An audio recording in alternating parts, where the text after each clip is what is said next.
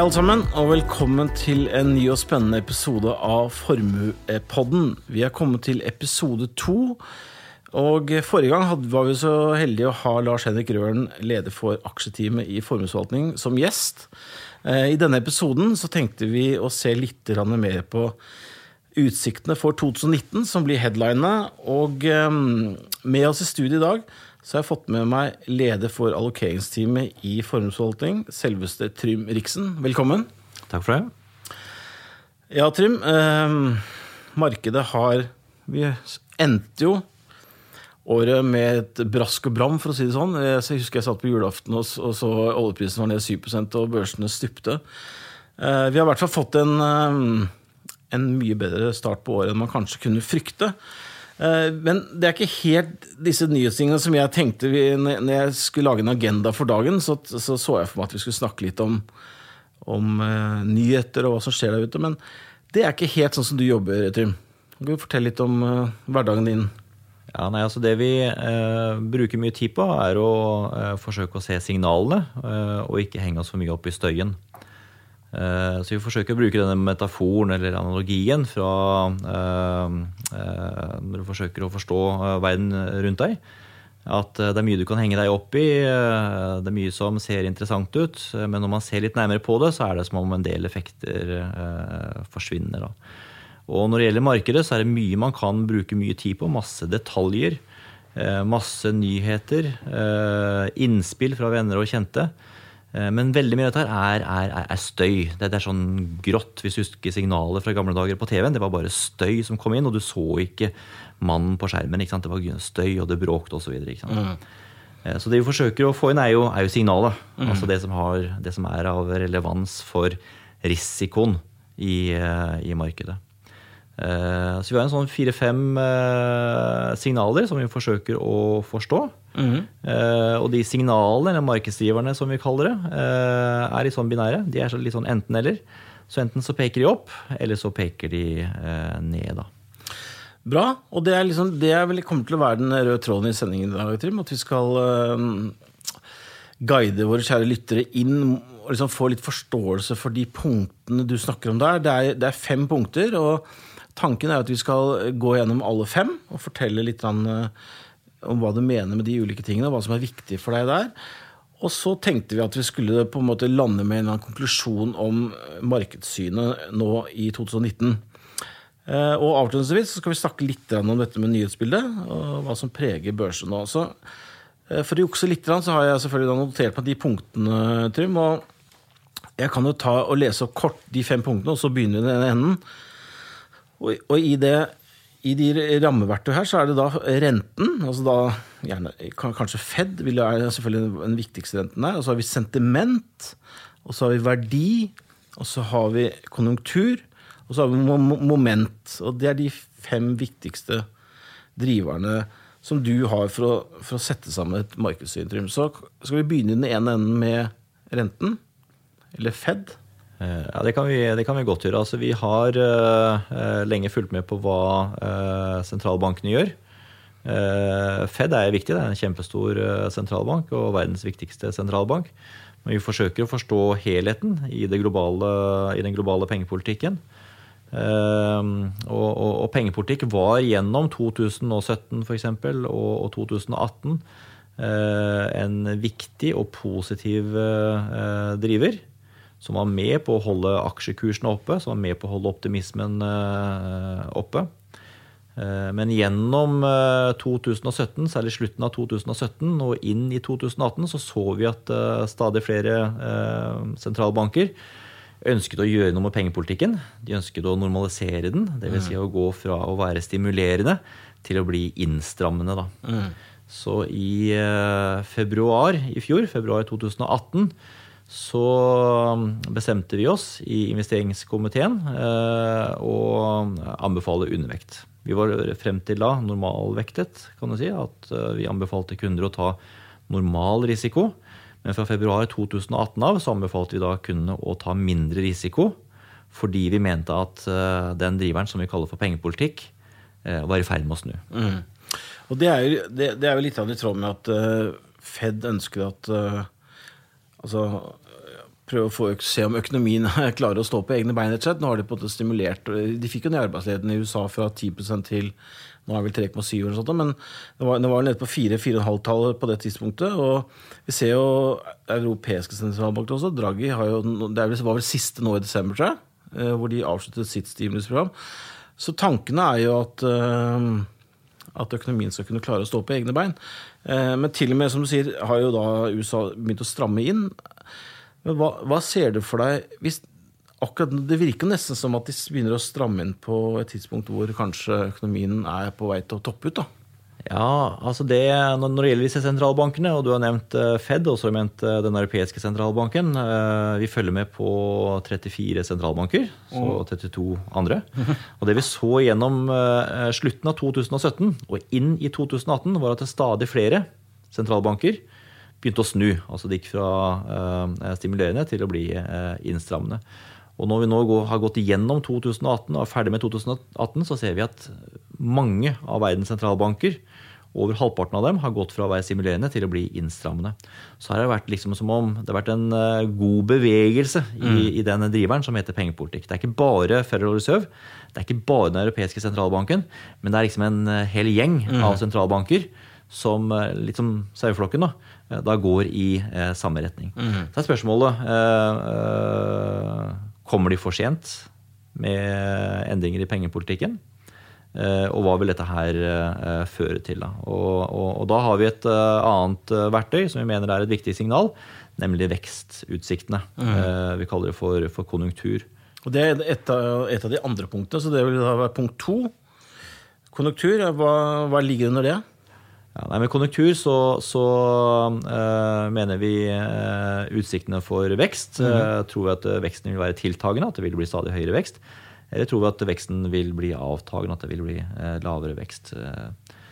det som er litt tankevekkende, er at den driveren som vi kaller for konjunktur, snudde allerede sommeren 2017. Mm. Det begynner å bli en god mm. stund siden. Eh, så på mange vis så hadde eh, økonomien og verdens økonomier allerede blitt så bra som de kunne bli gjennom 2017. Og så begynte vi å få eh, signaler fra ledende indekser om at vekstutsiktene begynte å matte av. At ikke utsiktene var så bra som, som, som tidligere. Så dette begynte vi å snakke om allerede i 2017. Og nå i ettertid så har vi sett at de ledende signalene som gikk i 2017, er nå i ferd med å slå ut i, eh, i, i full blomst. Da. Så kanskje mm. var vi litt tidlig ute. Mm. Men hvis vi ser på fakta for perioden fra sommeren 2017 til i dag, så ser du at litt sånn forsiktig så har øh, den ene økonomien etter den andre gått fra å være i en sånn god boom, stadig høyere vekst, til å gå inn i en periode hvor veksten har toppet ut og er litt lavere enn en før. Da. Så dette er en ting som har vart lenge.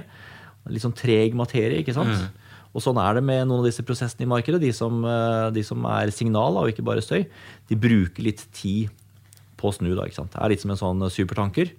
Det snur ikke på femøringen, men det tar litt tid før, før ting snur. Mm. Er det noen store, store, økonomier du kunne tenke å fremheve i forhold til den, det du snakket om der? Altså, som, har, som har overrasket deg på nedsiden eller oppsiden?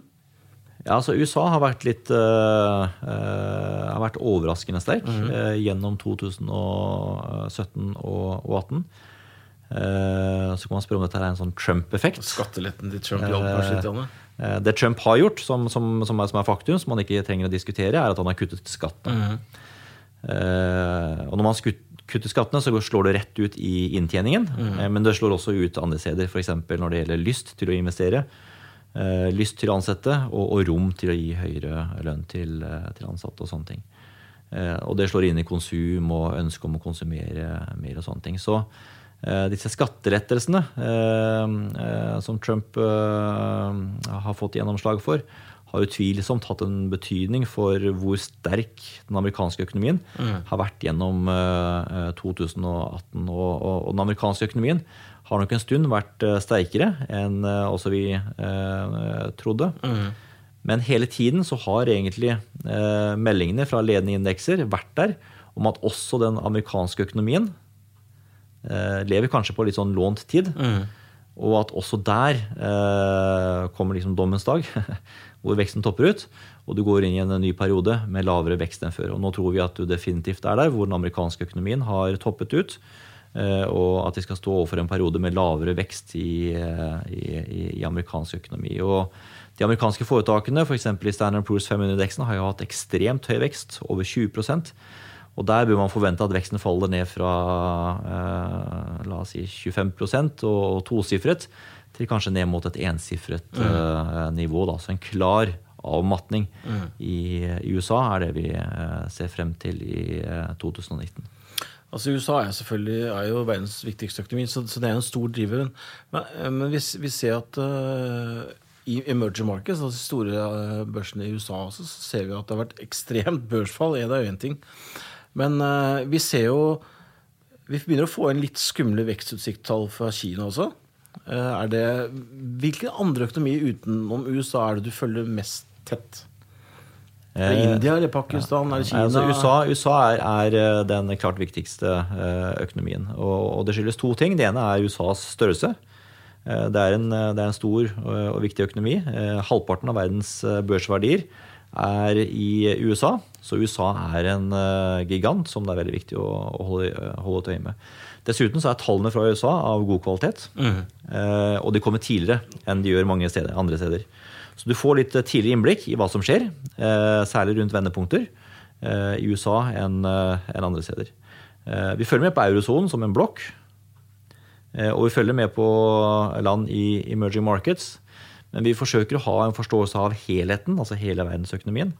Så det vi kan gjøre fortløpende, er å telle opp hvor mange av disse økonomiene vi følger med på, ca. 20, er det hvor veksten er fortsatt god og tiltagende, og, og, hvor mange av disse økonomiene er det øh, øh, er det hvor økonomien har blitt svakere, og at veksten har begynt å, å, å matte av. Da. Så vi har et apparat, en prosess og en metode for å overvåke disse 20 mm. økonomiene. Og da blir det mer en sånn demokratisk prosess. Mm. Hvor mange av de 20 økonomiene Eh, er det som er i en prosess hvor, de, hvor, de, hvor, det går bedre og bedre? Og, og, og, hvor mange er det som er eh, i en prosess hvor det begynner å matte av, og hvor det går da eh, mindre og mindre bra, eller dårligere og dårligere. Da. Mm. Og det har vi sett klart gjennom 2018. Det begynte så tidlig som i 2017 at den ene økonomien etter den andre begynte å vise tegn til svakhet. Og gjennom 2018 så har du fått så mange bevis. Mm for at eh, økonomien har gått fra å være sterke til å bli litt mindre sterke. Og noen er sågar i resesjonsmodus, deriblant noen land i, i, i eurosonen. Dessuten så er utsiktene også for Kina eh, relativt eh, dårlige. Veksten her er jo høy mm. hvis du sammenligner det med, med, med, hva som er veksten i Vesten. Eh, men utsiktene for vekst i, i, i Kina har vært dårlige, og de er, de er fortsatt dårlige. Da. Mm.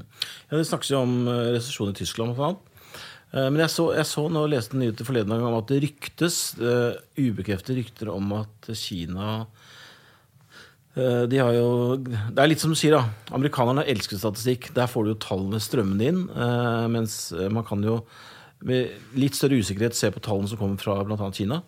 Men De har sagt, hatt som mål med 6,5% vekst i 2019. Men det går litt ubekreftede rykter om at de kommer til å nedjustere de til 6% i mars. Under en sånn vet, kommisjon eller et eller annet som skjer i mars. Eh, så det blir spennende å se. Men eh, det fremstår for meg også som at eh, at Kina er den jeg begynner å bli mer og mer usikker på. Er det noen av disse økonomiene som gir deg søvnløse netter, eller er det sover godt uansett? Nei, det er ikke det. Altså, disse, eh, det vi har glemt litt nå de siste ti årene, fordi at du har vært i en eh, litt spesiell situasjon siden 2008 eller 2009, eh, er at økonomien er syklisk. Mm. Det er helt normalt at du mm. går fra en periode med veldig høy vekst til en periode med lavere vekst. Og historisk så har resesjoner inntruffet omtrent hvert fjerde-femte år. Så det at det skjer ting i økonomien, at du går fra en periode som er veldig bra, til å bli, veldig, til, til, til å bli dårligere, det, mm. det, er, det, er, liksom intet nytt under, under solen. Så at det nå begynner å matte av, at den ene økonomien etter den andre eh, går fra å være veldig bra til å bli litt mindre eh, bra, er ikke noe som gjør oss eh, søvnløse i det hele tatt. Nei. Det er helt i tråd med gamle mønstre. Mm. Men vi ønsker å ha en god forståelse av da, hva som er risikoen i finansmarkedene når du går fra en periode hvor veksten er tiltagende, til å gå til en periode med avtagende vekst. Mm. Bra. Skal vi gå litt videre? Du har nå vært innom renter og eh, konjunktur. Jeg ser at du har tre punkter til. Sentiment, verdi og moment. Hvem vil du ta først? Eh, jeg kan godt ta moment, som, eh, som er en litt sånn eh, Det høres litt eksotisk ut. Moment er et fremmedord og, og sånt. Men som man ofte ser for seg når man hører ordmoment. så har det noe med styrke å gjøre, eller, eller hvor, hvor, hvor, hvor, mye trøkk det er i, i, en, i en, prosess. Da. Så med moment så mener vi egentlig hva er trenden den litt mer langsiktige eh, trenden i kapitalmarkedene. Eh, og all erfaring tilsier det at eh, your, the trend is your friend. Altså du skal gå den veien som trenden går, mm. og ikke gå mot trenden. Mm. Og erfaringsvis så har all aksjeavkastning kommet i perioder hvor trenden har vært positiv, og så har du fått negativ avkastning i perioder med en negativ trend. Så det å ha et fokus på momentum trenden i kapitalmarkedene er ekstremt viktig. Eh, og, gjennom 2018 så har vi sett at eh, trenden i kapitalmarkedene, i aksjemarkedene, har blitt dårligere enn før. Mm. Og i oktober i 2018 så fikk vi dette endelige skiftet i momentum som en markedsdriver, hvor momentum gikk fra å være en positiv driver til å bli en, en negativ driver. Men allerede gjennom 2018 så tidlig som ved utgangen av 2017 så så vi også at momentum var nesten så bra som det kunne bli. Det kunne nesten ikke bli verre. Det var nesten bare en sånn matematisk eh, selvfølgelighet at det skulle toppe ut og, og bli litt dårligere. Så vi ventet egentlig på at momentum skulle bli en eh, negativ driver, og så fikk vi da det endelige signalet om det eh, i oktober 2018. Ja, og mye av det ble jo trigget av eh, av nettopp rapporteringssesongen som viste at selskapene leverte dårlige tall. I tillegg så fikk vi en oljepris som nesten halverte seg. Så det var jo mye som skjedde på en gang, på kort tid. Eh, men det, er akkurat som du sier, og de der eh, trend is your friend er jo eh, Det som gjør at din jobb er vanskelig, er jo at det å, å, å finne de toppene, det er jo veldig vanskelig når du har en sånn så sterk trend som vi har hatt nå i så mange år. Å finne ut akkurat når det ruller over. Men igjen, det kommer så ofte når du minst aner det. Det kom, vi har, vi har, eh, For alle disse driverne som vi har gått gjennom nå, så har vi veldig klare eh, Vi har en gameplan, kan du si. Mm. Altså Vi har en oppskrift. Eh, den oppskriften er ikke hemmelig. Nei. Vi er helt åpne på den. Så vi kan på forhånd si hva som er oppskriften, når, hva som skal til for at disse driverne skal, skal snu. Mm. Vi kan ikke forutsi skiftene i driverne, ikke sant? for det er bare fakta som driver. Mm. Så når det gjelder f.eks. denne momentumdriveren, så, så, har vi helt klare eh, definisjoner på hva som eh, tilfredsstiller et vendepunkt i, i, i momentum. Eh, og litt sånn teknisk sagt så følger vi 200 dagers glidende snitt i eh, verdens aksjekurser. Mm -hmm. Og når denne trege 200-dageren, 200-dagerssnittet, snur, da mener vi at det er en ting som har snudd, og da kan vi snu i vår, eh, i vår anbefaling om allokering også. Altså dette bringer meg bringer bitte litt inn på min hverdag, Trym. For jeg sitter jo og trader eh, aksjer selv dagen lang. Og eh, 200-dagen er jo på en måte en indikator på hvor, hvor de fleste investorene har kommet inn de siste 200 dagene. Det er, liksom, det er der pengene har kommet inn i snitt. Så, og det er helt riktig, det er ikke veldig mange selskaper. Ja, nå er det kanskje noe, men eh, ved juletider så var det ikke mange selskaper eller børser som uh, var over den. De fleste var under, og rett som du sier, momentet pekte nedover. Eh, mange av de selskapene, for jeg følger veldig tett med på det, er jo fortsatt et stykke unna å komme opp dit. Sånn at det peker fortsatt nedover. Eh, du har to til, Trum. Du har verdi. Hva ligger du i det? Ja, med verdi så, så, bruker vi den eh, gamle betegnelsen på den tilbake til Graham og Dodd, som de heter. Som var Warren Buffetts læremestere tilbake på, på, på 30-tallet.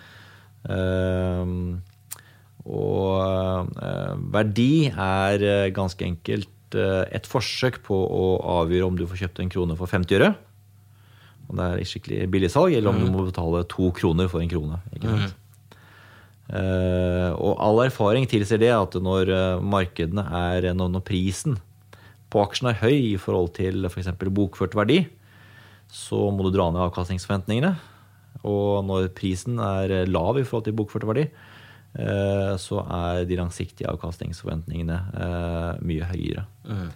Det du har sett eh, de siste ti årene, er jo at etter at eh, sentralbankene begynte med kvantitative rettelser, eh, sånne ekstraordinære tiltak, i 2008, så har man egentlig gått gjennom ti år, ikke sant? Med ekstraordinære tiltak fra sentralbankene. Og hvor eh, børsene i nesten hvert eneste år siden 2009 har eh, lagt på seg. Eh, kommet opp høyere og høyere, da. Og når du går i en nesten sånn uavbrutt trend da, hvor, hvor aksjekursene bare stiger og stiger, så er det klart at eh, verdien eh, det, er, ikke billigsalg lenger å, å, å kjøpe aksjer. Eh, så, så vi har sagt lenge Verdi er en veldig treg indikator. Vi har sagt lenge, eh, helt siden 2014, at eh, verdi er en negativ driver. Fordi at aksjemarkedene er priset eh, godt over sitt historiske snitt. Og bare se på amerikanske aksjer. Eh, amerikanske aksjer i særdeleshet, eh, så må du tilbake igjen til eh, tiden rundt 2000. Eh, denne tech-boblen. Boblen i teknologi og medieaksjer og telekomaksjer. Da var markedene priset litt høyere enn det var i 2017 og 2018. Eh, Men i 2018 så ble markedene priset enda høyere enn i 1929. Da.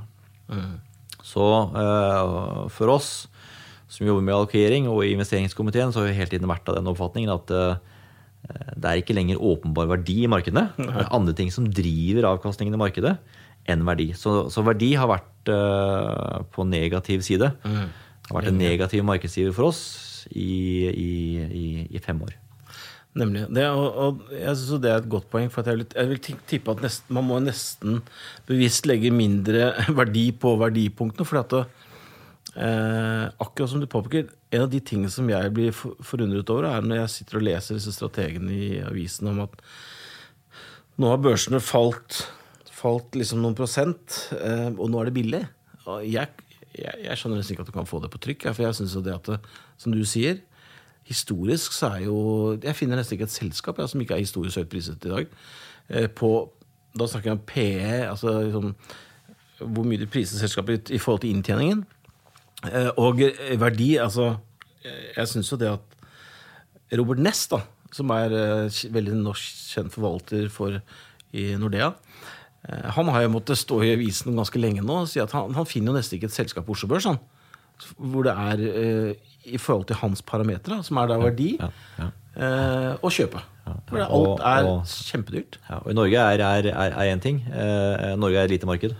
Det utgjør eh, knappe prosenten av verdens børsverdier. Godt under en, altså, en, en brøkdel av verdens børser. Men, men i USA, verdens største marked, så har jo prisingen vært uh, minst like uh, høy som, som, uh, som i Norge. Da. Og det vi så gjennom 2016, og 17 og 18, er at amerikanske selskaper, også de små selskapene, ble så høyt priset i forhold til bokførte verdier, i forhold til omsetning, i forhold til sine resultater, i forhold til kontantstrøm, at uh, du har aldri sett uh, tilsvarende høy prising som du så i 2017 og 2018. Og det er klart at Når prisingen blir så høy, når du, begynner, når du kan snakke om at det er fravær av verdi i markedene, så er ikke det en indikator på at du står overfor et uh, krakk i morgen på kort sikt, men du bør iallfall dra ned de langsiktige avkastningsforventningene dine.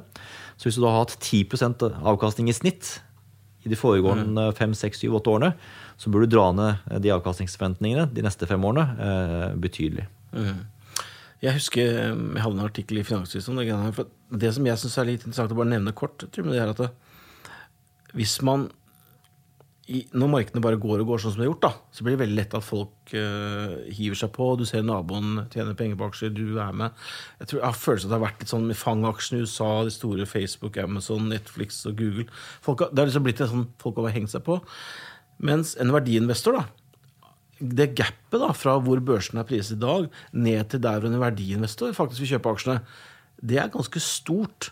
Sånn dette, det er derfor jeg frykter at hvis dette markedet begynner å slippe ordentlig, eh, så er potensialet for å falle ganske stort. Fordi at eh, Robert Ness han kjøper DNB på kanskje 90 kroner. han. Der er han. Aksjen står i 160.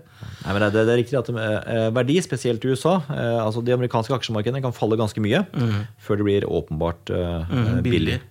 Eh, Men de siste ti årene så har det vært litt spesielt. altså Amerikanske aksjer har, har gjort det relativt eh, bra. Og har blitt pumpet mer opp, eh, sannsynligvis pga. sentralbanker med gjennom disse kvantitative rettelsene. I den grad at, eh, at USA er eh, helt ekstremt på den ene siden av prisingsskalaen. Eh, Ser du på andre markeder, f.eks. emerging markets eller vekstmarkeder, som det også heter, eh, så er prisingen av de aksjene eh, mye lavere. Og Det betyr at forventet avkastning på, på noe sikt, altså fem år og ti år, og sånn, er mye bedre i vekstmarkeder enn i USA. USA. Så bildet er litt sånn blandet her. Du har USA, hvor prisingen har vært ekstrem gjennom 2017 og 2018. Og så har du vekstmarkedene, som ikke har vært med på den samme eh, bevegelsen opp de siste årene. eh, Og hvor, hvor, hvor verdi ser bedre ut enn det er i, i, i USA. Da. Og vi har jo da eh, annet derfor eh, eh, noe mer aksjer i, i, vekstmarkeder enn om du hadde investert i en indeks. Så i, I verdensindeksen så er vekstmarkedet 10 Det er jo lite i forhold til hvis du ser på verdenskartet, hvor folk bor, eh, størrelsen på økonomien etter hvert. Eh, så vi har jo 20 ca. I, i vekstmarkedene. Eh, Bl.a. for å få en portefølje som er mer, som er, som, hvor, risikoen er bedre spredt, som representerer verdiskapingen i verden på en bedre måte enn verdensindeksen. Og så har vi også dette her i bakhodet at når USA har vært så høyt priset som det har vært gjennom de siste årene, så er på lang sikt avkastningsutsiktene bedre i, i vekstmarkedene, hvor prisingen, hvor, hvor, hvor verdi er mer åpenbart enn en, en, positiv driver. Da. Nemlig. Bra. Um, da er vi vi kommet til et punkt til. Sentiment, er det ikke? Sentiment er, eh, kan vi ta til sist, men det er på mange måter også den viktigste driveren. Eh, For den eh, sentimentdriveren er veldig god til å forklare hvorfor folk ikke får den avkastningen som de burde fått. Eh, Og det sier også litt om avkastningsutsiktene på helt kort sikt. Altså fra uke til uke og kanskje et kvartal frem i tid. da. Men som du får- hører, sentiment det har jo noe med Temperatur, eller? følelse å gjøre. ikke sant? Sentimental sen- sentiment. altså eh, Det er et forsøk på å måle, eh, basert på spørreundersøkelser, om investorer, proffinvestorer, private investorer, eh, større investorer, små investorer. eh, Et bredt utvalg av investorer om de er optimistiske med hensyn til eh, avkastningen i aksjemarkedet, eller om de er pessimistiske. Og all erfaring tilsier det at når folk er optimister, så får du i neste periode litt lavere avkastning enn når folk er pessimister. Så eh, hvis du følger magefølelsen og kjøper når du er eh, bullish, som folk sier, altså når du er optimistisk, så er det en oppskrift på å gjøre det eh, veldig dårlig. Og så selger du deg ut når magefølelsen er dårlig. Hvis du hele tiden gjør dette går inn og ut basert på magefølelse, så er det oppskriften på å få eh, svak eh, avkastning. Da. Og Det vi så gjennom 2016, 17, 18, er at eh, sentimentet i markedet, altså optimismen, har aldri eh, i min tid, da jeg jobbet med aksjer i, i, eh, i eh, aksjemarkeder i, eh, i, i, i, i snart 20 år, eh, og tidligere så skrev jeg om eh, aksjer og markeder. Og jeg har aldri vært vitne til, kanskje med unntak av slutten av 1999, eller noe sånt, at optimismen var så ekstrem eh, som den var i 2017 og 2018. Eh, så det vi ser nå, er kanskje en sånn payback, eller, mm. eller skyggesiden da, av en periode med veldig overdreven optimisme.